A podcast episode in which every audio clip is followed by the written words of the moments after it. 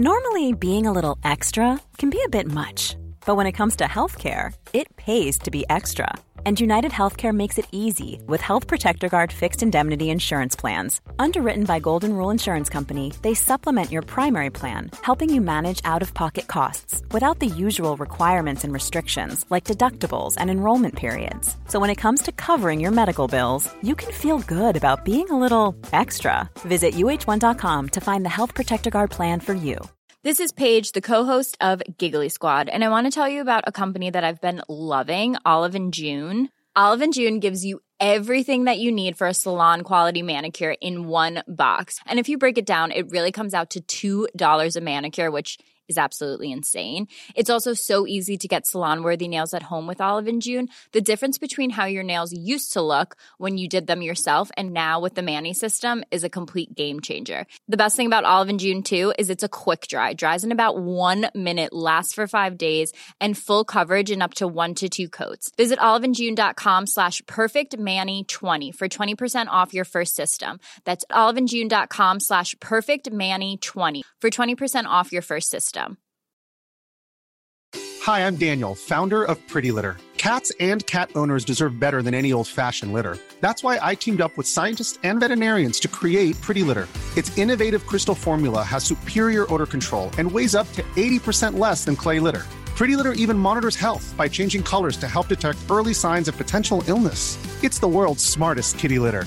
Go to prettylitter.com and use code ACAST for 20% off your first order and a free cat toy. Terms and conditions apply. See site for details.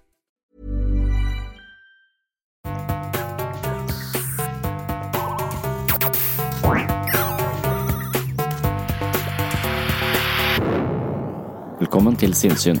Jeg heter Sondre Risom Livre, jeg er psykolog, og dette er Webpsykologens podkast.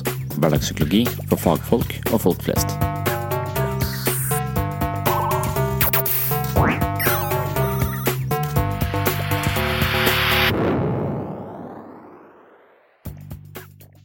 Hvordan er en dag uten grenser? De fleste av oss har erfaring med dette, men det er ikke sikkert vi er oppmerksomme på at mye av hverdagens utfordringer og ubehag i møte med andre handler om vår evne til å sette grenser. La oss si at du setter vekkerklokka på halv syv slik at du rekker å servere barna frokost og lage matpakker. Du er litt stressa fordi du har et eh, viktig møte på jobben, og før det så har du en viktig presentasjon. Alt sammen skal skje på denne formiddagen, og du er egentlig ikke godt nok forberedt. Men selv om du egentlig trenger litt mer tid til å forberede deg, ber du ikke din kone om å hjelpe deg med frokosten. Når du kommer på jobben, er ikke møterommet satt opp med PC og prosjektor. Dette er egentlig ikke din jobb, men du må gjøre det for å gjennomføre presentasjonen. Rett før du endelig er klar til å starte, kommer sjefen innom og ber deg arrangere årets julebord. Han skulle gjerne gjort det selv, men han er for travel. Du sier at det er helt i orden. Du kommer egentlig ikke på noe annet å si, for nå skal du snart holde et lengre foredrag, og lokalet begynner å fylle seg opp med kollegaer. Egentlig så begynner det å bli ganske svett, og det er lenge før lunsj. Hvis du kjenner deg igjen i dette, vet du også hvordan og hvorfor det er så viktig å sette grenser. Du vet også hvor utmattende en dag uten grenser er. Kanskje vet du også hvordan et liv uten grenser er. Å sette grenser er noe man gjør av egenomsorg, men også noe man gjør av respekt for andre. I dagens episode skal jeg altså snakke om grensesetting. Jeg skal forsøke å belyse grensenes psykologi fra ulike vinkler. Dette er et tema jeg også har gått i dybden på i episode 51, Hvor går grensa, og øvelse 24, Å sette grenser for seg selv, på min Patron-side. Dersom du vil vite mer om grenser og grensesetting etter dagens episode, kan du altså skaffe deg et abonnement på mitt mentale helsestudio og fordype deg i materien, og mye annet i samme sjanger. Ved å støtte meg på Patron får du tilgang til masse ekstraepisoder og ekstramateriale fra denne podkasten, og du gir meg muligheten til å fortsette dette prosjektet og lage stadig nye episoder her inne på Sinnsyn. Tusen takk til alle dere som allerede støtter meg på Patron, og hjertelig velkommen til potensielle nye Patron-supportere. I dag skal jeg også snakke om grenser. Jeg vil påstå at det å la seg utnytte av andre fordi man i liten grad våger å sette ned foten, er å begå en urett mot seg selv, men også mot andre. Med din måte å være på tillater du også at den andre er en dårlig versjon av seg selv. I dag skal jeg forsøke å dykke ned i grensesettingens eh, psykologi og se på hvordan fokus på grenser er noe av det viktigste vi kan gjøre for oss selv, andre og relasjonene våre.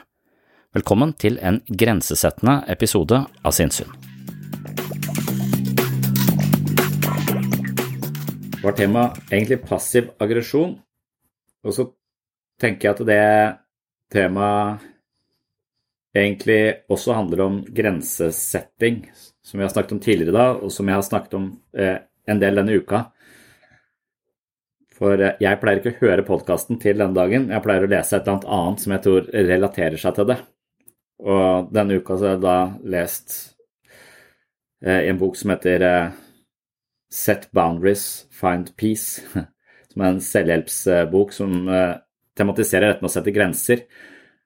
Og når jeg begynner å tenke på det å sette grenser, så, så, tror jeg at alt handler om å sette grenser. All psykisk helse handler bare om å sette grenser, tenker jeg da når jeg har, eh, har lest den. Det stemmer selvfølgelig ikke, men det er nesten så jeg har inntrykk av at veldig mange, i hvert fall veldig mange av våre relasjonelle problemer handler om grensesetting. Enten for rigid grensesetting eller mangel på eh, grensesetting. Så det virker som det er et slags eh, kontinuum her, og ubalanse fra det å ha svake grenser til det å ha for rigide grenser. At vi befinner oss eh, der et sted, og så befinner vi oss kanskje på ulike steder i dette kontinuumet i ulike relasjoner. Og jeg tror Hvis vi har litt fokus på det, hvis vi identifiserer de stedene hvor vi har et ubalansert måte å sette grenser på, så tror jeg vi kan gjøre dramatiske ting for livet vårt. Og det vanligste for de som søker hjelp her, er jo at de har problemer med å sette grenser har problemer med å være tydelig på egne behov, fordi man kanskje misforstår hva grensesetting egentlig er for noe. Altså I utgangspunktet er det noen som tenker at grensesetting det er å skape avstand til andre. Det er å lage en kløft mellom meg og den andre, si nei til den andre. Men når man virkelig dykker ned i hva grensesetting er, så er grensesetting en forutsetning for en nær relasjon. Så når man tenker at jeg skal ikke hevde mine behov, for det vil belaste andre, eller eh, det vil gjøre at andre avviser meg, det vil gjøre at andre ikke liker meg, så hevder man aldri sine behov. Og når man da kommer på besøk til en person som aldri sier noe om hva de trenger, så aner man ikke noe om hva, hvor grensene går. Det er ingen markører, det er ingenting å orientere seg etter i det relasjonelle landskapet, og man blir usikker og eh, vag og må lukte seg frem til hva som egentlig foregår i dette rommet.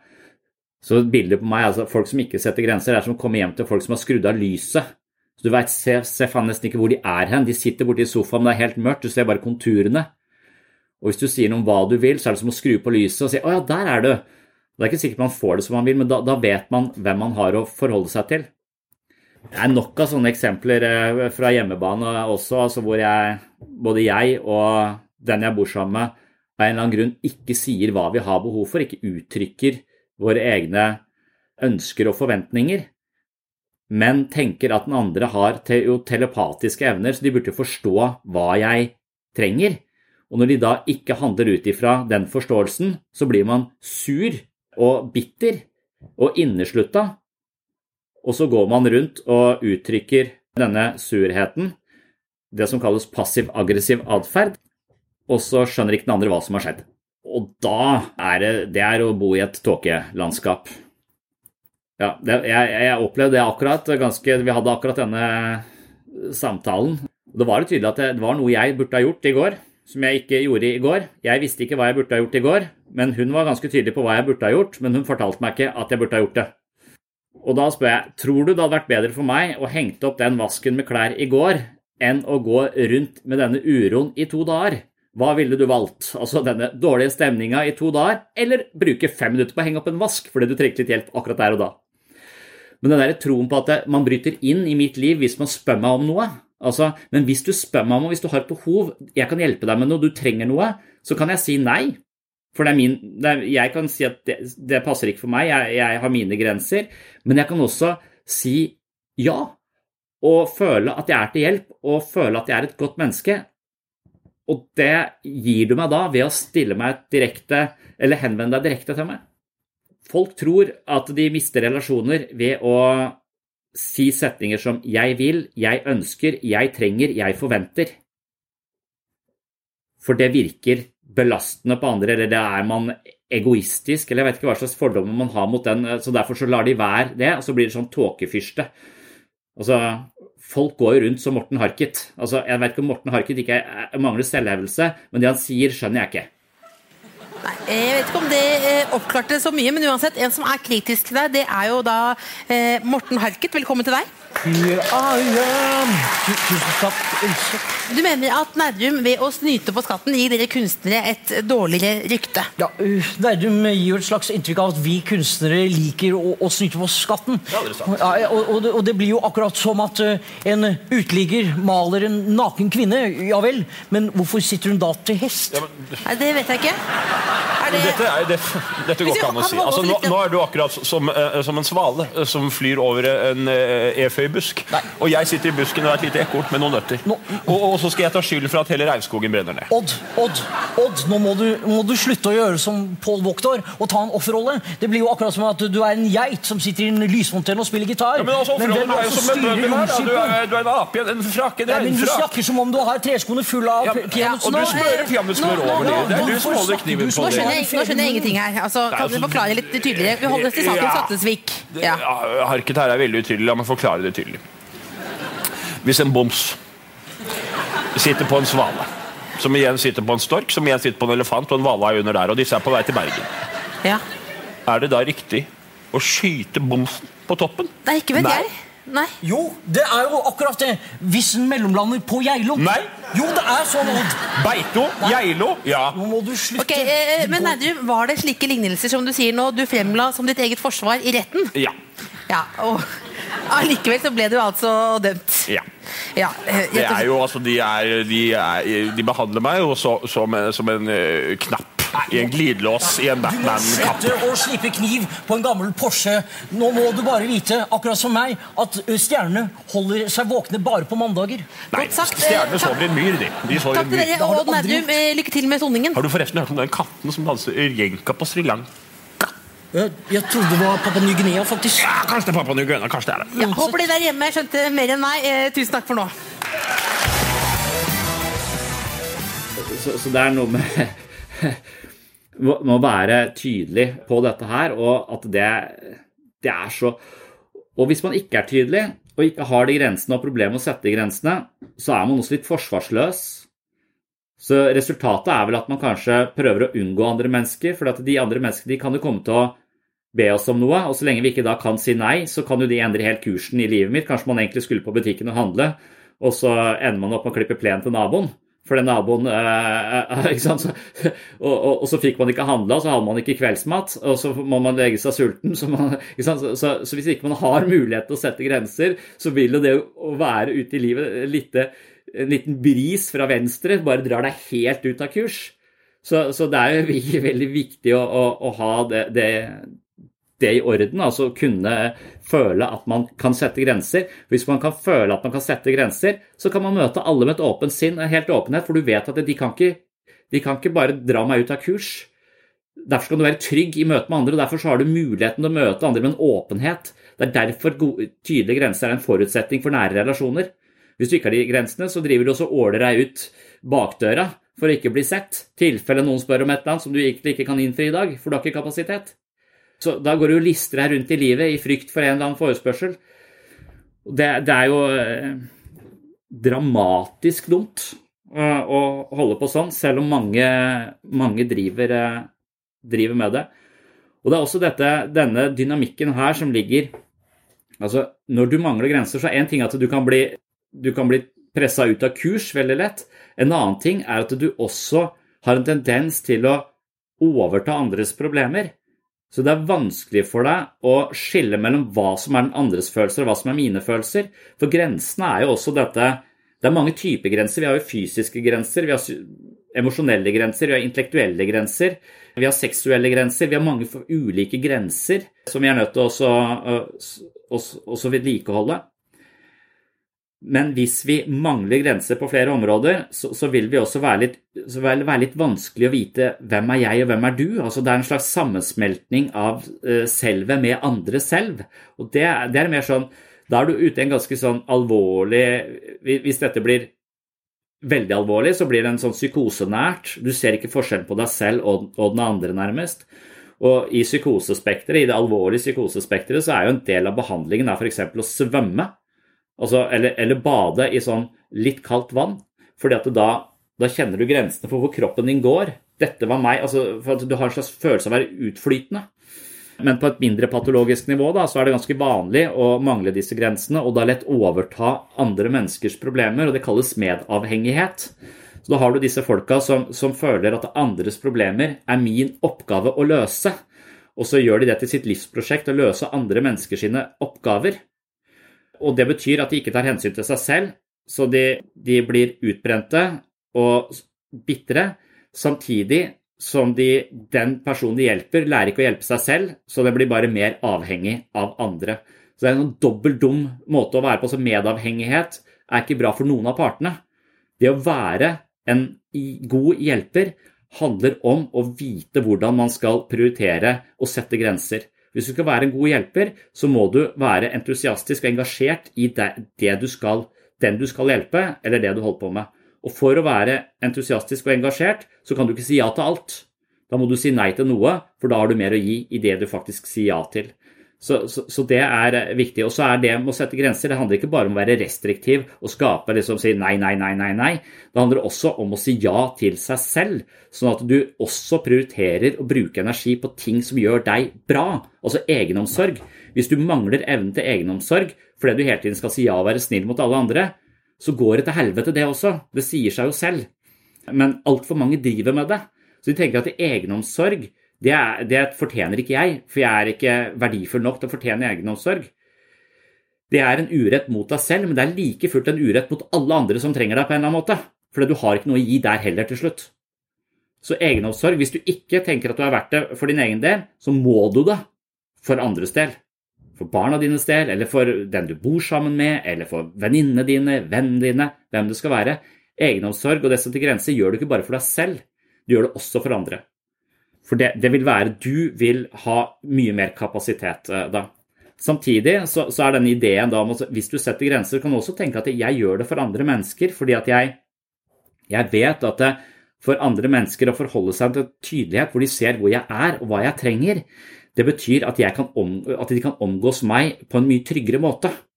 Hvis jeg ikke sier noe om det, så vil de bare Da, da vil man liksom drive og lukte seg rundt. Altså, jeg ser for meg at man blir som hunder da.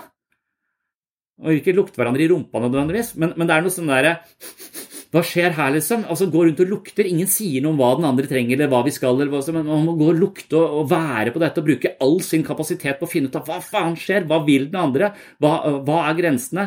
Hvis jeg ber om det, er det invaderende eller er det ikke invaderende? Og det er vanskelig. Jeg tror grensesetting er noe som alle mennesker til en viss grad sliter med. Og jeg tror de som har det best og lever best, de er flinke på det. Det tror jeg kjennetegner de. Og personlig så tenker jeg at kanskje at jeg har for rigide grenser til en viss grad, men, men samtidig så har jeg veike grenser.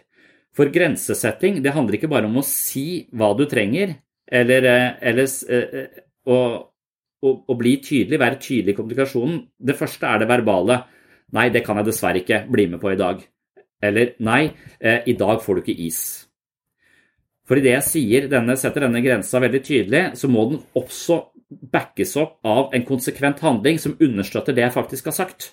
Og der er jeg dårlig. Jeg er veldig flink til å si ting veldig tydelig, kanskje litt for tydelig. Og så bøyer jeg av når, eh, når det har gått en halvtime, for da syns jeg de skal få en is likevel. Og barn, altså dette, Denne grensesettinga blir så tydelig med barn, for barn driver hele tiden og pusher grensene dine. Så de krever hele tiden en sånn Der, der må du hele tiden jobbe med å, være tydelig på de grensene. Og, og hvis det sklir ut, så, så, mister du kontrollen og blir kaos hjemme. Så det er tydelig at det å få trygge barn det handler om å ha trygge grenser og tydelige grenser. Og Hvis jeg hele tiden bøyer av og gir de is og bare de kan presse nok, og så får de det som de vil, så vet de ikke hvor grensene går hen. De risikerer å bli ufyselige, samtidig som de risikerer å skape en sånn type ja, Jeg vil bare kalle det kaos. Jeg opplever det som kaos når vi har slurva med grensesettinga over lengre tid. Så er det eh, som å leve i ADHD. Det er som, som huset har fått ADHD når, når, vi har vært dårlige på grense, grensesettinga. Det, det, er min, min, opplevelse. Det er så tydelig og så viktig da, overfor, uh, overfor barn. Og det å stå i det. Men, men da skal du også vite at de følelsene som dukker opp, de er sånn dårlig samvittighet. Du må lære deg å takle den skyldfølelsen, dårlig samvittighet, for det er ofte den som får deg til å bøye av. Stakkars, de må jo ha is hver dag. Naboene får is hver dag. Ja, naboene har en jævla usunn livsstil. Så her, jeg, jeg, må, jeg, må, klare å Vi er nødt til å håndtere dette her. må, Jeg tror vi skal være ganske bevisst grensesettinga og ha litt fokus på det. Og I denne boka så står det at du bør sette opp tre kolonner hvor du bør sette opp hvor i mitt liv har jeg ubalanse i grensesetting, og så liste opp noen situasjoner. Og så helt konkret hva skal jeg si i den situasjonen? Hvordan skal jeg håndtere den situasjonen neste gang jeg er i den? Og da er det sånn veldig viktig at når du skal sette tydelige grenser, så begynner de settingene ofte med 'jeg trenger', 'jeg vil' eller 'jeg forventer'. Og så, og så sier du hva du forventer, og så sier du ikke så jævla mye mer. For de som er dårlige på grenser, de sier du, eh, når det gjelder Du, jeg bare lurte på, ikke for å være til bry, men, men sånn altså, Så driver de og lager et eller annet sånn kaos av noe hvor de pakker inn et eller annet behov, så det er ingen som egentlig skjønte hva de sa for noe. Tipset er å si én til to setninger maks, og så la det være med det. For hvis du pakker din masse, så signaliserer du at mine grenser de er ikke så viktige, og de er i hvert fall opp til forhandling, så her kan du bare pushe, og, og hvis du stiller meg et spørsmål, så tror jeg jeg bare dropper hele grensa. Så, så det, det, vil du da signalisere, ikke sant? Og det, det er eh, en fryktelig dum ting. Så du må lære deg å si korte setninger om hva du, uh, hva du trenger, og hva som er dine behov. Og så fins det da noen folk som driter i det. De hører Kanskje de later som de ikke hører hva du har sagt, eller de bare respekterer det ikke og fortsetter å oppføre seg på den måten som, som du har satt grenser for. Det er da handling kommer inn i bildet. Da må du skifte loss. Hvis det er noen som kommer på besøk uten å ringe hele tida. Eller rett og slett ikke åpne opp. Det er ikke så uvanlig at man har for tett eh, forbindelse til foreldrene sine. Noen ringer foreldrene sine hver eneste dag. Når det gjelder grenser, så er det de fysiske Dette er for tett. Det er for ofte å snakke med foreldrene sine hver dag.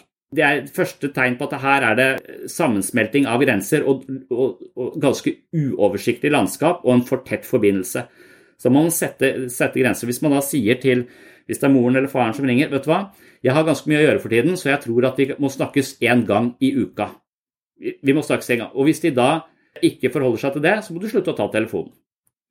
Eller hvis du har foreldre som plutselig bare dukker opp på besøk uten å si fra på forhånd. Syns det er hyggelig? Bare kom på døra. Det var visst hyggelig før i tida. Har det noen gang vært hyggelig å få uventa besøk? Det passer jo faen aldri for meg, i hvert fall. Ring på forhånd. Ring på forhånd og si fra, så kan jeg få, en mulighet til å sette grenser. For hvis du først står der, så er det veldig vanskelig for meg å si ja, jeg har egentlig ikke noe annet å gjøre, men jeg har ikke så lyst til å prate med deg nå. Det hadde jeg aldri klart å si. Så tydelige grenser går ikke an å sette. Men hvis du har nær familie da, som plutselig dukker opp hele tiden, så kan du si at Vet du hva, jeg setter pris på om dere ringer på forhånd, så kan vi avtale når vi skal møtes. Og hvis de ikke gjør det, så må du si at vet du hva, men nå kan jeg ikke slippe deg inn, for jeg har sagt at jeg trenger at dere sier fra. Så må du gjøre en handling. Og hvis du har folk som ikke er nær familie, som ikke respekterer grensene dine, later som de ikke hører, bare fortsetter å kjøre over deg, så må du revurdere hele relasjonen, for det er ofte psykopater. Så hold deg, hold deg unna. Eller vurder om er det verdt det å være i denne, denne relasjonen. Men du skal også vite at det, mange mennesker som trår over grensene dine, trår over grensene dine fordi du har ikke satt dem. Så så lenge du ikke har satt dem, så vil du hele tiden bli valsa over. Men så lenge de ikke var noe gjerde der, de så ikke hvor disse grensene gikk, så er det ikke sikkert at de har så god luktesans og ikke klarer å lukte seg fram til det. Men hvis du hadde gitt dem muligheten til å sette et tydelig gjerde, så kan det være de hadde syntes det vært fint å forholde seg til det og respektert deg, og fått en helt annen relasjon. Og når vi ikke setter grenser, så dette, Hva dette har med passiv aggressivitet å gjøre, er jo fordi at når vi ikke setter tydelige grenser, så setter vi grenser i form av disse røyksignalene som sier at nå har du trådd over. Jeg vil ikke si hvor du trådde over eller hva du har gjort for noe feil, men du har gjort noe feil, og du kjenner det på den sure lukta som, eh, som er rundt her nå. Bare kjenn på den lukta. Så, så kan du gå rundt og så kan du lure på hva det er du har gjort. Og det er det passiv-aggressive kommunikasjon. Det er det motsatte av tydelig kommunikasjon, rett og slett hvor du, hvor du ikke sier hva du trenger, men du gir utagerer følelsen av skuffelse over ikke få det du ikke sa du, eh, du trengte. Og det er oppskriften på et ræva parforhold, i hvert fall. Så er det veldig mange venninner som fikk barn før meg, sånn, som var litt sånn Pernille, du må tenke på at det kan komme ganske overveldende på, denne enorme kjærligheten du vil føle til ditt eget barn. Det kom ikke overraskende på meg i det hele tatt. Eh, faktisk, Det som går mest overraskende på, var mer dette intense hatet jeg fikk til barnefaren. Det kom midt i fleisen, altså. Jeg så det ikke komme. At jeg skulle bli kjerring så fort, liksom. Det. Jeg har jo ikke sagt det til han, jeg er jo ikke dum. Nei, jeg har holdt det inni meg. Eh, gått og gnura og gnukka på det. Latt det marinere bitte litt. Eh, og så har jeg latt det sive ut som sånne små, bitre undertoner eh, når det har passet meg. Og så har han kunnet få føle litt på det, så det har vært veldig all right. Altså. Men jeg går aldri fysisk til angrep. Jeg er jo ikke gal. Det er kun psykisk jeg jobber hele tiden, jevnt og trutt. da. Altså, jeg, jeg, kan, jeg, jeg kan være med på det. At jeg kanskje noen ganger er liksom passiv-aggressiv. Det skal jeg være med på. Eh, jeg vil si at jeg fant meg sjøl ved min første permisjon. Da var det veldig mye sånn Hva sa du, vennen min? Om du kunne tatt deg en fredagspils med gutta på jobben? Ja, det syns jeg du skal gjøre. Høres kjempekoselig ut. Ja, ja, det har du fortjent. Ja, jeg trenger ikke luft, jeg, så det går fint. Mm -hmm. Jo, nei, men vet du hva, vennen min, det har du fortjent. Eh, du som, altså, du som har vært på kontoret og snakket med voksne folk i hele dag, eller, og egentlig hele uka, syns du skal fortsette med å gjøre det? Og så kan jeg fortsette der her hjemme, den lille deigklumpen her av en unge, og bare Kan jeg fortsette å gjøre det? Det er kjemperettferdig, så da skal du gå ut og koste deg skvett i hjel. Ja da. Ja når folk eh, sier at de ikke klarer å jobbe pga. psykiske plager, så tror jeg det er dette det ofte handler om. Det handler jo ikke om at de ikke makter å holde ut en dag, eller, eller eh, løfte kassen, eller, eh, eller, eh, servere kunden, eller, eller sette inn melka. Det er jo ikke det det handler om. Det handler om å ikke, klare, ikke ha tydelige grenser, og dermed være totalt sårbar i den situasjonen, og, og kanskje hele tiden ta på seg for mye og bli overbelasta og gå, gå, til grunne.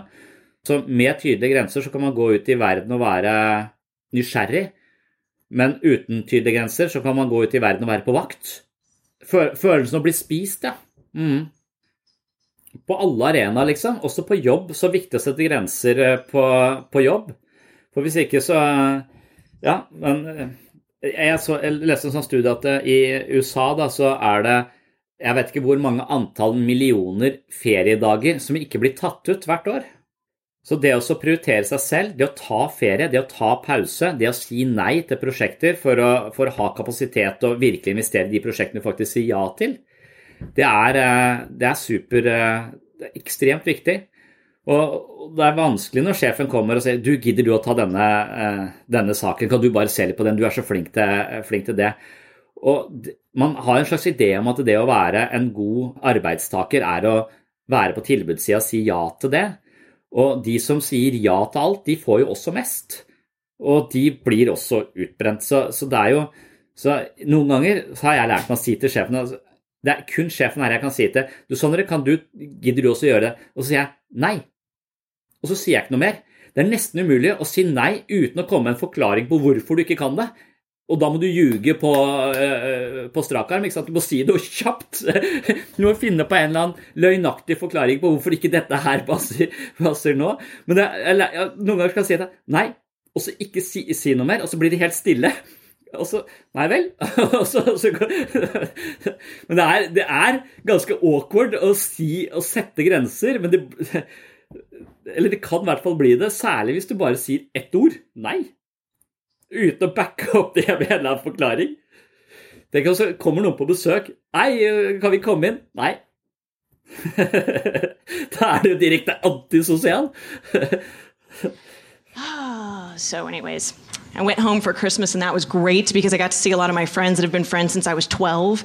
And I don't know if you guys have friends of those opposite sex where you're kind of like brother and sister, but not really, but no matter what, you're never like, you know, winky winky or anything like that. Like, it's just that's the relationship you have because some of you are looking at me like, I would totally hump my friend. I don't know what you're talking about. But, uh, anyways, my friend John is like that, and he freaked me out because he crossed a boundary that I didn't know that maybe we needed to have a little chit chat about.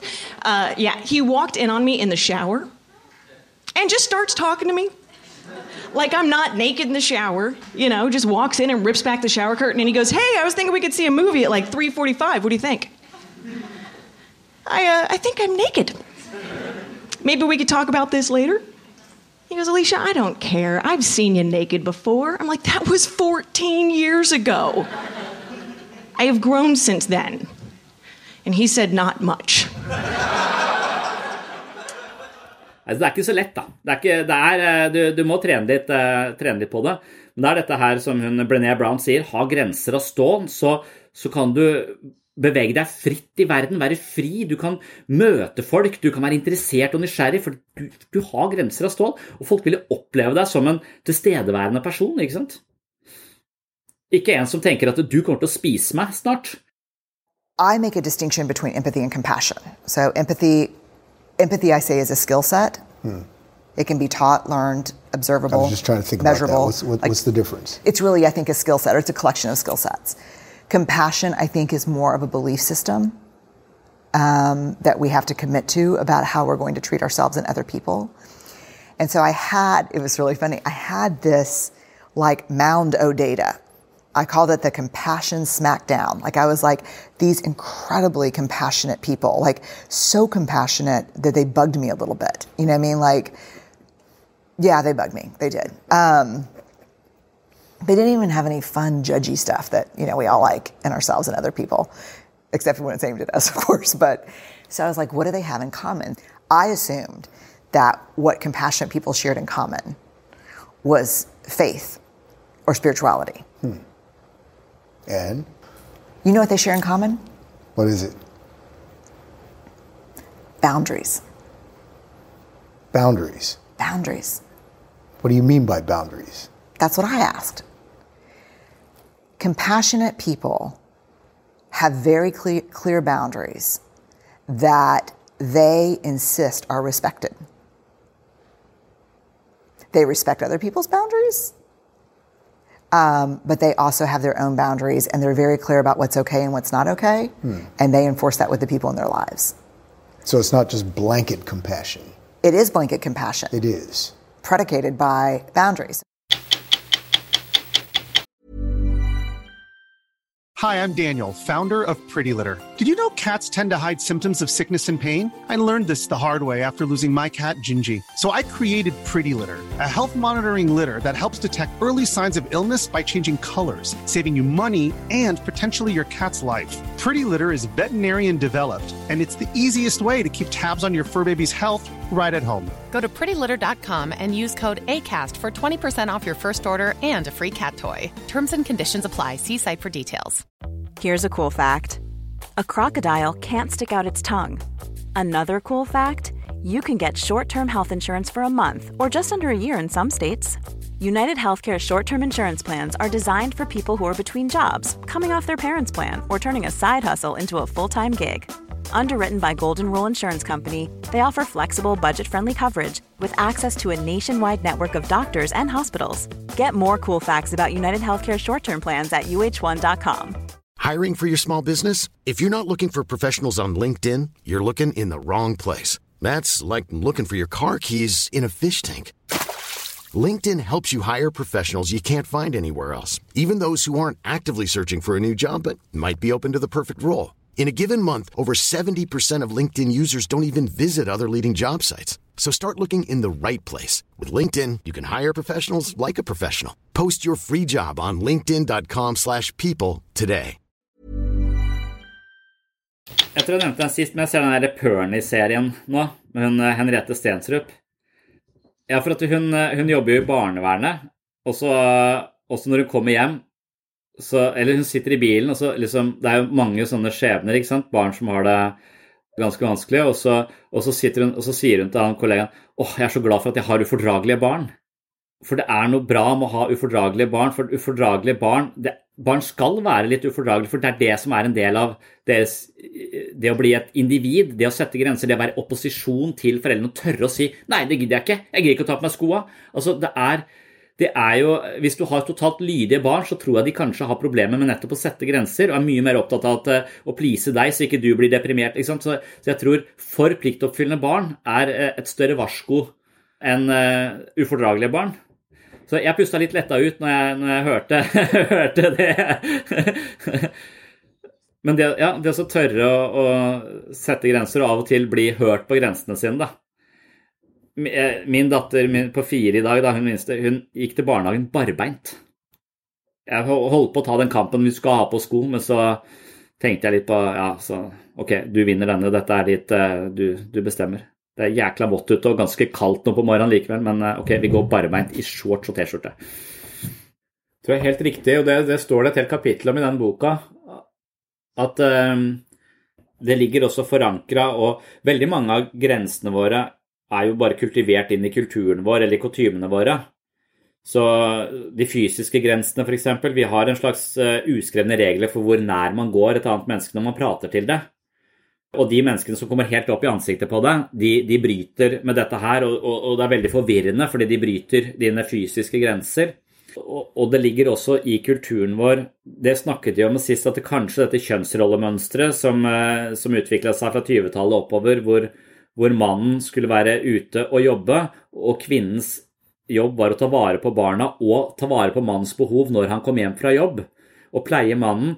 Så at det ligger nesten i denne kvinnelige husmoridentiteten å være selvoppofrende og glemme alle egne behov og bare være til stede for barn, mann, alt rundt seg og ikke ta hensyn til seg selv i det hele tatt. Så det er kultivert inn i den, den stereotypien der sånn. Og at det fortsatt lever i oss som rudimenter av den ideen om at det å være selvutslettende som husmor, det er det som er eh, riktig.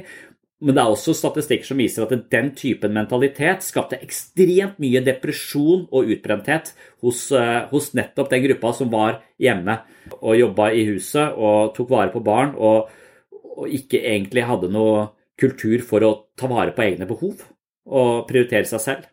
Nora i et dukkehjem, er det ikke det? Men eh, det er liksom Så den prosessen startet sånn. Det var en mann da som startet det. det men så var jo Sigrid Undset og ja, det, det, kommer kanskje litteraturen, at litteraturen kommer med frontfigurer som viser at det her er noe skeivt. Ja, da er vi direkte inn i, sluttminuttene her i denne kampen mellom Nora og Thorvald Helmer. Og det er uh, Thorvald i mørk dress med nummer 11 på brystet som spiller mot høyre. Og det er Nora i lang kjole med nummer 9 på brystet som spiller mot venstre. Og tidligere i kampen har det skjedd at uh, Nora har uh, truet med å reise fra Thorvald, mens Thorvald trygler på sine knær om at hun må bli hos ham. Men da svarer Nora at i så fall må det vidunderligste skje. Og gjør det det da? Nei, det gjør ikke det, for Thorvald vet ikke hva det vidunderligste er. Og nå spør han henne hva det er. Men Nora nekter å svare, for hun, hun tror ikke lenger på det vidunderligste. Og der tverrvender Nora midt på banen og trekker på på høyresiden. Ted fulgt av går forbi en stol. Hun går forbi en stol til, og nå er det dramatisk. Hva skjer nå? Og da blir hun holdt i trøya av Thorvald! Det må være obstruksjon! Hva gjør Nora? Nei, hun drar til Thorvald! Hva gjør Nora? kortet, det betyr at Nora må gå. For en avslutning på denne kampen, mine damer og herrer! Henrik Ibsen kunne ikke skrevet det mer dramatisk. Nora! Nora! Ja, producer, vi får dette i pris, gjør vi ikke det? Det gjør vi. Aron! Aron! Er virkelig sånn dyp refleks å være selvoppofrende og ikke sette grenser, ikke hevde egne behov. At det, det, ligger som en dyp refleks. Det ligger jo også innbakt i janteloven eh, på sett og vis. Kanskje det er en del av, av, risikoen ved å sette grenser, eller at folk vegrer seg for det. For én ting er å ikke sette grenser og bli overkjørt, men hvis du setter grenser og blir overkjørt, så er det psykologisk kriminalitet. Det er jo å bryte seg inn i et annet menneskes psykologi og, og, og, og valse over det. Og det er jo å bli utsatt Ja, det er å bli utsatt for et, eh, for et innbrudd. Og dermed så, så kan jeg kan godt forstå at det oppleves verre, at, det, at, du setter grenser, men det blir brutt, enn å da ikke sette grenser og bare heller ikke respektere seg selv, på en måte, men, men å bli kjørt over uten å så, så, det er nok når man da setter grenser, og man ser at det her foregår det hele tiden et overtramp, at, man, eh, at det er det tydelige tegnet på at dette er ikke bærekraftig. Her må det handling til. Og hvis handlingen da er å forlate den relasjonen, så er vel det den eneste eh, eh, Eller så er vel det, det er vel en konsekvens av, av, det. Hvis noen bryter seg inn på eiendommen din, så ringer du politiet. Men hvis noen bryter seg inn i psyken din, så er det ikke nødvendigvis noen å ringe, da. Du ringer parterapeuten, da, eller? Hvem, hvem, er den, hvem, er den, hvem er det som uh, vi, har, vi har, ikke noe offentlig organ som uh, sørger for, for å intervenere overfor folk som bryter psykologiske grenser nødvendigvis. Med mindre de bryter Det er bare de fysiske grensene vi har en slags lov mot. Vi, har det, vi kaller vel psykisk trakassering vil det være dette. Det er en slags det er jo en type mental vold eller psykisk vold som jo likestilles Jeg vet ikke om det likestilles, men, men det er litt vanskeligere etterrettelig, da. Det kan lett bortforklares, ikke sant. Hvis du får en på trynet, så er det ok, du brøyt grensen, men du slo meg ned. Altså, det, det, det, det synes, og det var det som skjedde. Og det er eh, fengselsstraff for det. Men du kan jo slå folk i trynet uten å slå dem i trynet på en som gjør enda mye mer vondt enn å faktisk få en på trynet. Men der er det liksom ikke noe, noe offentlig organ som, som, som, gjør det. Barnevernet prøver å gjøre det for, uh, for, barn som ikke nødvendigvis blir slått, men som ikke, ikke får det. Så barnevernet er en, en instans som skal forsøke å være en slags myndighet i det landskapet der hvor noen trår over forsvarsløse menneskers grenser. Men igjen, de, jo, de grensene er jo på en måte usynlige. Det gjelder vel å ha passe ufordragelige barn, vil jeg, vil jeg tenke. For eh, hvis du har totalt ufordragelige barn, så kan det virke som om du selv er veik og ikke er tydelig, og dermed så har ikke barna noe trygt å forholde seg til. Mens hvis du har så tydelige grenser og, og, og barna Eller rett og slett du, du, tar ikke hensyn til barna dine, og de prøver hele tiden å få seg en omsorgsperson ved å være pliktoppfyllende. Så, det, så det er vel i begge de to veldig pliktoppfyllende barn, eller totalt uregjerlige barn, er kanskje tegnene på Så passe ufordragelige barn, da er du på rett kurs. Som, som forelder, da, i hvert fall. For de psykologiske grensene, når du skal beskrive et overtramp av psykologiske grenser, så må du bruke språket. Og i, ut, i utgangspunktet, og det kan kanskje vanskelig å formulere til og med, samtidig som du kanskje heller ikke vet hvor grensene går, eller hvor det er naturlig å sette grenser, eller hva som er normalt i å sette grenser, fordi du kanskje har levd uh, uten grenser, for du har aldri hatt noen som veileder deg i forhold til hvor er det lurt å sette gjerdet rundt huset, hvor mye plass trenger du? Så, så det, er, eh, det, er, veldig komplisert. Så noen som ikke egentlig vet hvor grensene burde gå, de kan heller ikke, kan heller ikke utlede et overtramp. Og det er vel det, ofte det som skjer da, i sånne altså Som metoo, f.eks. Det er en slags statuering av grenser. Det er en, det er en slags offentlig eh, debatt rundt hvor går grensene. Vi må sette noen nye grenser i dette landskapet. For for seksuelle grenser, det er jo både litt fysisk skal, Ingen skal kunne nærme seg deg på den måten uten at du tillater deg. Men det er også en masse psykologiske grenser der i forhold til hva slags vitser er greit, hva slags språk er greit, hva slags tilnærmelser er egentlig greit.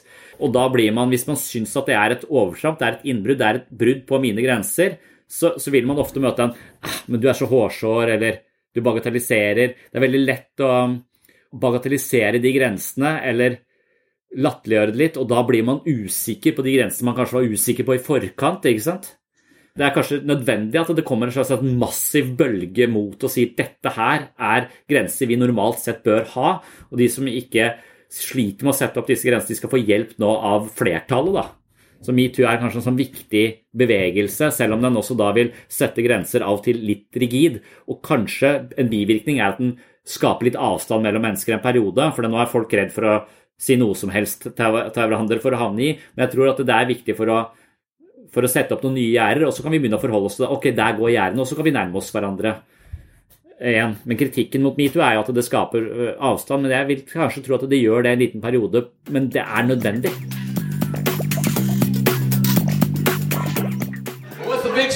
Year? The big story is Me Too, the Me Too movement, right? Doesn't it seem a little weird that not a single rapper has been accused of anything? Doesn't that seem impossible? Dustin Hoffman's been a scumbag. What about Lil Wayne? Oh, he's been a gentleman this whole time. Oh, he's a sweetheart. Yeah, James Franco's a creep, but Eminem is a darling. Yeah. I mean, there's a rapper named Titty Boy. Let's at least see what he's been up to.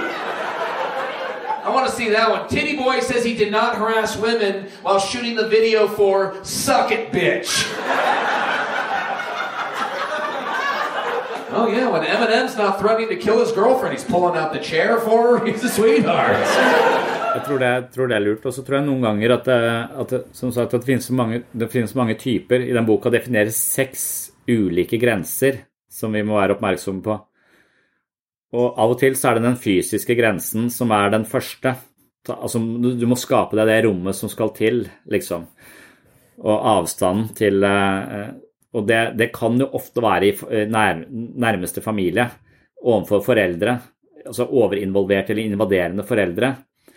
Det, det er et tegn. Så, så det å bo hjemme altfor lenge, eller kanskje det klassiske er, er kanskje mannen som gifter seg, men ikke kan ta en eneste selvstendig avgjørelse uten å høre med mora først.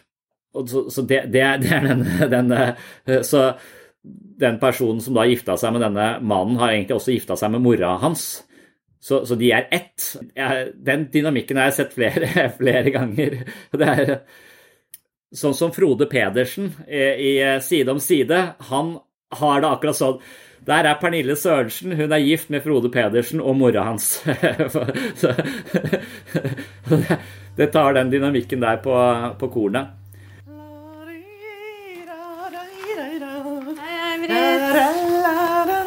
Godt humør i dag? Ja. Viva i Spania. ja. Anledning ferieturen. Gleder du deg ikke til i morgen? Jo, men eh, Frode, jeg skal til Rådås i Hellas. Ja, ja. Jeg kan ikke noen sang fra Hellas. Du, er alt klart? Du, alt skal egentlig være klart her nå. Ja. det liksom, det eneste jeg tenker på, plantene skulle ha vært vannet. Du, har du tatt med eh, sånn solkrem? Nei, altså, jeg tenkte jeg skulle kjøpe det der nede. Nei. Nei, nei, nei. Det går ikke an å kjøpe solkrem i utlandet. Du kan ikke stole på det. Frode er så tam der. Det er derfor så har jeg Skal vi se her. Jeg har laget en liste her.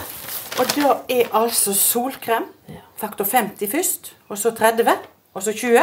Aftersun uten parfyme. Ja. Frode klør sånn. Så kulltabletter, aspirin, sårsalve, plaster. Og så bilsyketabletter og båtsyketabletter og flysyketabletter. Men du, vi har vært ute og reist før, altså. Ja, men det skjer alltid noe med Frode, skjønner du. Nei, men eh, jeg eh, er egentlig ferdig pakket, så jeg har ikke plass til det, dessverre. Ja, men du trenger ikke å ta det med deg. Nei, men eh, det er ingen av de andre som har plass til det heller. Men jeg skal ta det med meg! Eh, hvor skal du ta det med? Til Rådås. Ja, jeg, jeg, har ikke eh, Frode fortalt at eh, jeg har etterbestilt deg? Jeg skal være med dere. Jeg skal være med. Nei, eh, nei, det har Frode helt glemt å fortelle meg. Du, Kanskje han mener at det skal være en stor surprise? Ja, for det var du. Jeg, jeg ble veldig overrasket nå. Ja. Men du, ikke si når vi kommer på Gardermoen. Nei. Bare lat som ingen Eller lat som om du er overraska. Selvfølgelig. Det Ikke si skal noe jeg da. gjøre. Ok, men da, da tar jeg dette med meg, og så pakker jeg kofferten. Ja. I'm a big surprise. Ja, det er du. okay, ha det. Ha det.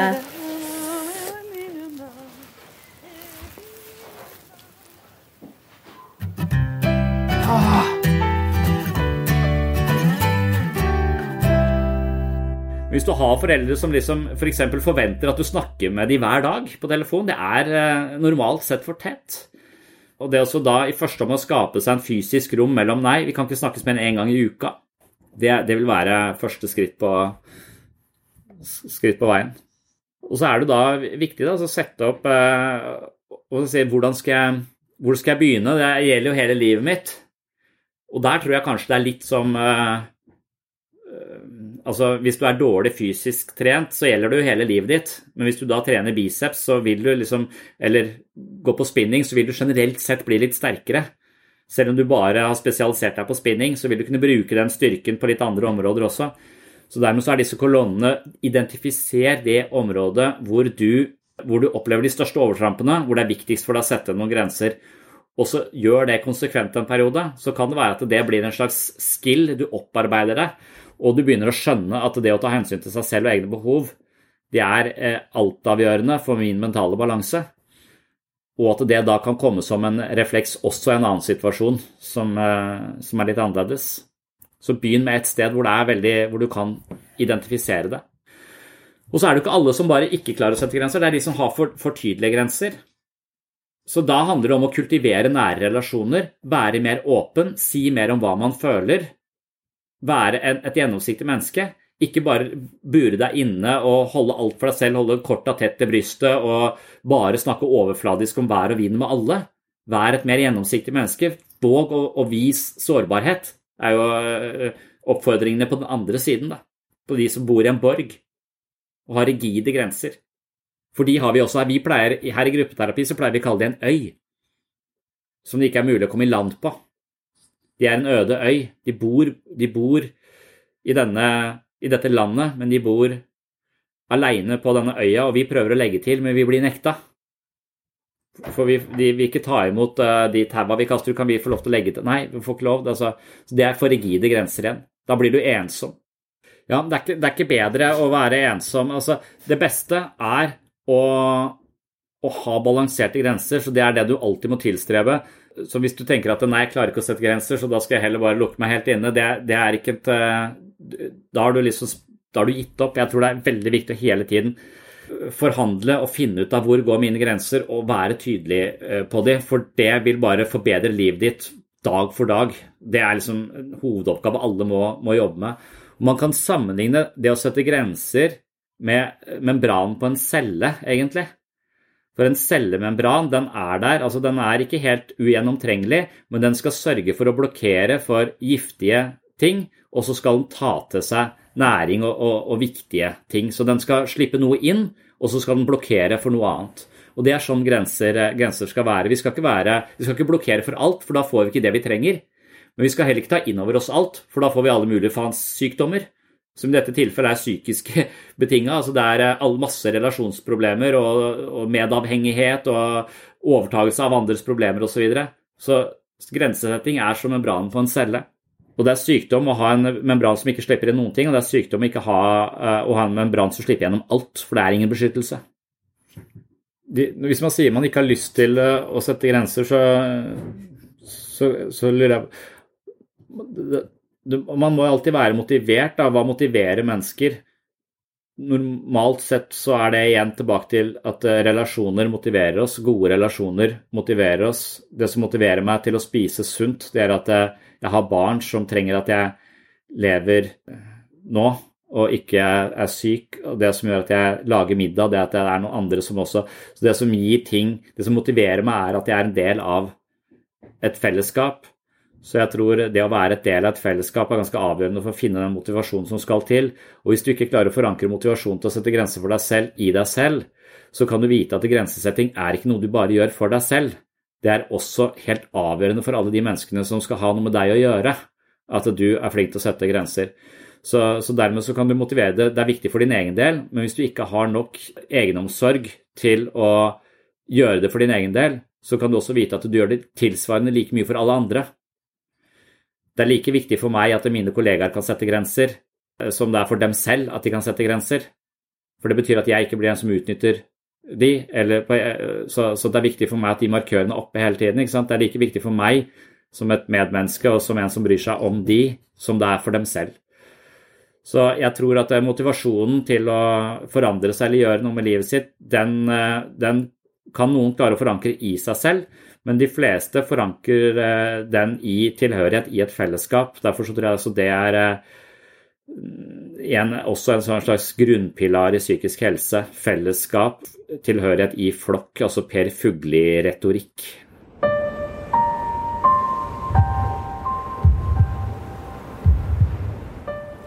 Du er bare én av mer enn fem millioner mennesker i Norge. Men du er ikke et ett-tall på jorden. Du tilhører en flokk. Bry deg om flokken din. Går det an å være et jeg alene på kloden? Kjenn etter selv. Hvem, hva, hvor var du hvis det ikke fantes andre mennesker i din verden? I Shakespeares Hamlet er det et berømt sitat 'to be og not to be'. Det er feil. Han burde sagt 'to belong' or not to belong. Du er ikke et fremmedlegeme på jorda. Du blir fellesskapt. Du er den du er gjennom én million møter med andre mennesker opp gjennom livet. De former ditt liv, dine verdier, dine meninger. Vær med og skap rause, trygge flokker, hvor de rundt deg får oppleve at tilhørighet er bedre enn å pille navlelo i enerom. Mennesker har mange flokker. Skolen, arbeidsplassen, landet, menneskeheten, naturen, ånder og guder. Den nærmeste flokken er likevel familien. De få som står deg nær, den du er gladest i og reddest for og sintest på. Det er denne flokken som danner livets grunnmur, som gir eller ikke gir kjærlighet, trygghet og mot til å være deg selv. Mange ønsker seg inn i den norske flokken. Hvor rike og fattige, de med andre kropper og livsstiler enn de prektige. De som ikke er lønnsomme, folk med alle slags guder. De friske, syke og uføre, de gamle unge. Alle har de en naturlig plass i den norske flokken. Hører dere? Vi lengter etter å være en del av en flokk av ufullkomne skapninger, ikke en flokk av glansbilder og overmennesker.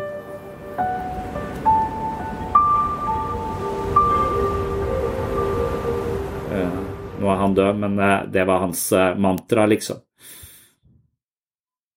Og det tror jeg er sant. Og Det er derfor eh, vi her tenker at vi jobber i gruppe, og at vi nå føler at, vi, at eh, hele dette prosjektet vi har her i gruppe, har, har, fått, eh, har fått covid.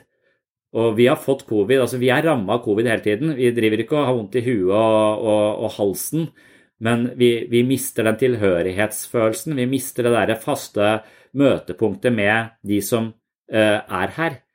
Så vi prøver å etablere det på tur, så vi faktisk har et møtepunkt. Og vi håper nå at vi kan sette opp flere grupper, så flere kan komme inn i grupper nå etter sommeren, sånn at de kan være i hus igjen. Så vi får den der følelsen av tilhørighet og fellesskap som er det som skal til for å motivere seg for å gjøre noe annet. Altså du er i samme båt som andre, du bryr deg om andre, andre bryr seg om deg, andre venter på deg, andre har, en, har, en, har et ønske om at det skal gå bra for deg. Og den, det, det, er alle, alle, sånne små ting hjelper å, å, løfte oss ut av en håpløs livssituasjon. Så, så covid for oss har ramma oss egentlig mye hardere enn vi kanskje egentlig tenker. Ja, vi er her på nett, og jeg ser masse små firkanter, halvparten av de er svarte. Den tilhørighetsfølelsen er er svak, mye svakere enn den hadde trengt å være for at vi skulle liksom komme i mål med det vi ønsker på, på dette stedet, hvor vi, hvor vi, hjelper hverandre. Jeg opplever at når vi er her på nett, så er jeg mye mer verbal, fordi jeg opplever Jeg vet ikke, kanskje det er fordi jeg bare liker å høre min egen stemme, men det, er også noe med at jeg, jeg, opplever av og til at det er viktigere å ta, ta et ansvar på nett, for jeg syns det er ja, Det kan være feil, men, men jeg vil tenke at, at, at, jeg kan lene meg mye mer tilbake når vi møtes i et grupperom, hvor vi kan se hverandre og, og spille ball på en annen måte. At jeg tenker at det er litt tyngre for meg å drive denne gruppa enn det er jeg, når jeg møter folk. Ja, Det jeg sier til alle i biblioterapi, er at den gruppa krever ikke noe av deg. Så det er en slags innføring til å bli kjent med oss og når vi har det i hus, så ser vi folk, så da liksom møtes vi i gang. Da, da, da, vi slags eh, etablerer vi en type tilhørighet som vi syns er vanskelig å etablere her på nett. Særlig fordi mange er bare en svart skjerm, liksom. Eller er bare en sånn svart, så, så, så det å forholde seg til, til, de som er svarte, det er helt eh, det, det, er helt, det er jo ikke noe. Altså, det er, eh, det er bare en svart flekk. Så, så, jeg får ikke noen noe, relasjon der. Men jeg sier jo til alle at de, skal, de kan velge sin egen deltakelse her. Jeg krever ikke noe av de. Derfor er det en sånn For mange som syns det er kjempevanskelig å snakke i en gruppe. Derfor så, så sier jeg at det, dette her er det helt greit å ikke si noe. Så jeg krever ikke noe av noe. Og det gjør jeg ikke når vi kommer i hus her heller. Men det er av og til lettere for noen da. Og hvis det er god tilhørighet i den gruppa, så er det ofte lettere for folk å, å, å si noe der. Men av og til så er det utrygt i de gruppene også, fordi gruppene er for store, det er for mye utskiftning, mange sånne ting som gjør at folk blir mindre, blir, blir mer tause. Men hvis man da går tur, er i biblioterapi og går i gruppeterapi og lærer seg å meditere her, er, så, så, tror jeg at det, det, å føle en tilhørighet til et prosjekt som vi er sammen om å skape endringer i mitt liv, det, den, den, den, det tror jeg er Hvis du deltar i flere grupper, så tror jeg kanskje du, du har større sjanse for å få til en forandring. Da. Sikkert samme som skjer på universitetet når det liksom ikke det yrer av folk og ulike grupper og foreninger som uh, står for ditt Hvis alt det blir borte, så, så er det bare alle sitter hvert, på hvert sin hybel og stirrer på en skjerm. Det er som hele sjelen til hele stedet forsvinner nesten. Men for sånn som meg, jeg som har ganske som kan virke ekstrovert, men har veldig klare introverte trekk, som er, uh, så, er ikke, så er dette litt som uh, det å det å ha denne uh, isolasjonen på kontoret, det er omtrent det, det, er på en måte behagelig, akkurat som det er behagelig å ikke trene. Det er vondt å trene, det er jævlig bra for meg, livet blir bedre hvis jeg gjør det, men det er ganske behagelig å la være. Så sånn, sånn, er det for meg å sitte på kontoret og ikke møte så mange. Det er, eh, det er ganske behagelig, men det er skadelig. ja, når det gjelder trening, altså eneste grunn til at jeg eh, tar i litt på trening, er at dere er der. Hvis ikke dere hadde vært der. Så det er, det er som å jukse i kabal, ass. Jeg, jeg, gjør det bare for å ikke virke som en sånn uh, slapp unnasluntrer. Det er eneste grunn til at jeg, at jeg står på på treninga. Og jeg står jo på hakket mer når Hilde er der også, for at jeg Så. Så hvis jeg ikke da hadde blitt sett og bare sto hjemme på skjerm, så hadde jeg droppa de litt tunge øvelsene, sikkert. Lurer på om vi avslutter eh, da, og så er det da mulig å være med på trening på nett hvis man har eh, selvdisiplin. Men, men, det er jo ja, det er jo et eller annet med det Om ikke annet så, så besørger det for noen en struktur, da et, et, sted å logge seg på, et tidspunkt jeg må forholde meg til.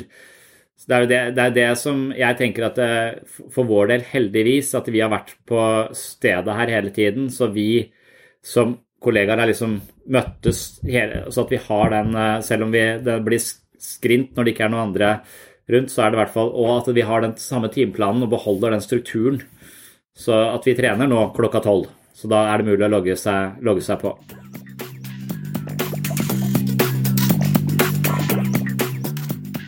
Det var det jeg hadde om grenser for denne gang. Tusen hjertelig takk for eh, følget. Tusen hjertelig takk til alle dere som har rata podkasten i iTunes og gitt den fem stjerner og eventuelt en hyggelig kommentar. Takk til alle dere som har anbefalt eh, podkasten til venner og bekjente, det setter jeg også stor pris på. Hvis dere vil eh, følge denne podkasten i sosiale medier, så er det mye på Instagram og mye på Facebook.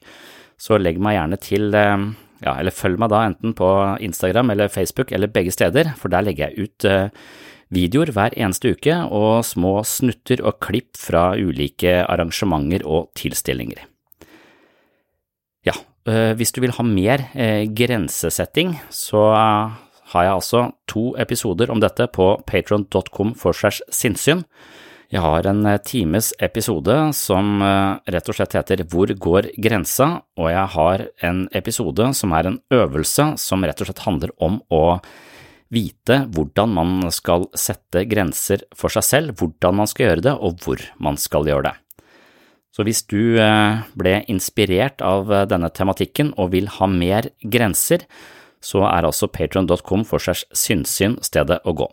Og ved å tegne et abonnement på min Patron-side, så støtter du dette prosjektet, det vil si at eh, du vil være med på å holde hjula i gang her, sånn at jeg kan fortsette å lage episoder hver eneste uke.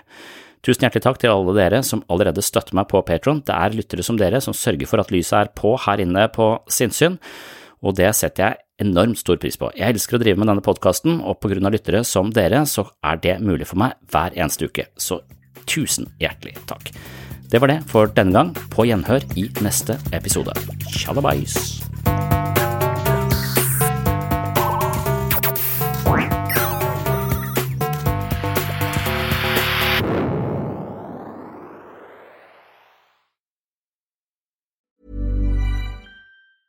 Normally, being a little extra can be a bit much, but when it comes to healthcare, it pays to be extra And United Healthcare makes it easy with Health Protector Guard fixed indemnity insurance plans. Underwritten by Golden Rule Insurance Company, they supplement your primary plan, helping you manage out of pocket costs without the usual requirements and restrictions like deductibles and enrollment periods. So when it comes to covering your medical bills, you can feel good about being a little extra. Visit uh1.com to find the Health Protector Guard plan for you. Normally, being a little extra can be a bit much, but when it comes to healthcare, it pays to be extra. And United Healthcare makes it easy with Health Protector Guard fixed indemnity insurance plans. Underwritten by Golden Rule Insurance Company, they supplement your primary plan, helping you manage out of pocket costs without the usual requirements and restrictions like deductibles and enrollment periods. So when it comes to covering your medical bills, you can feel good about being a little extra. Visit uh1.com to find the Health Protector Guard plan for you. Mom deserves the best, and there's no better place to shop for Mother's Day than Whole Foods Market. They're your destination for unbeatable savings, from premium gifts to show-stopping flowers and irresistible desserts. Start by saving 33% with Prime on all body care and candles. Then get a 15-stem bunch of tulips for just $9.99 each with Prime. Round out Mom's menu with festive rosé, irresistible berry chantilly cake, and more special treats. Come celebrate Mother's Day at Whole Foods Market.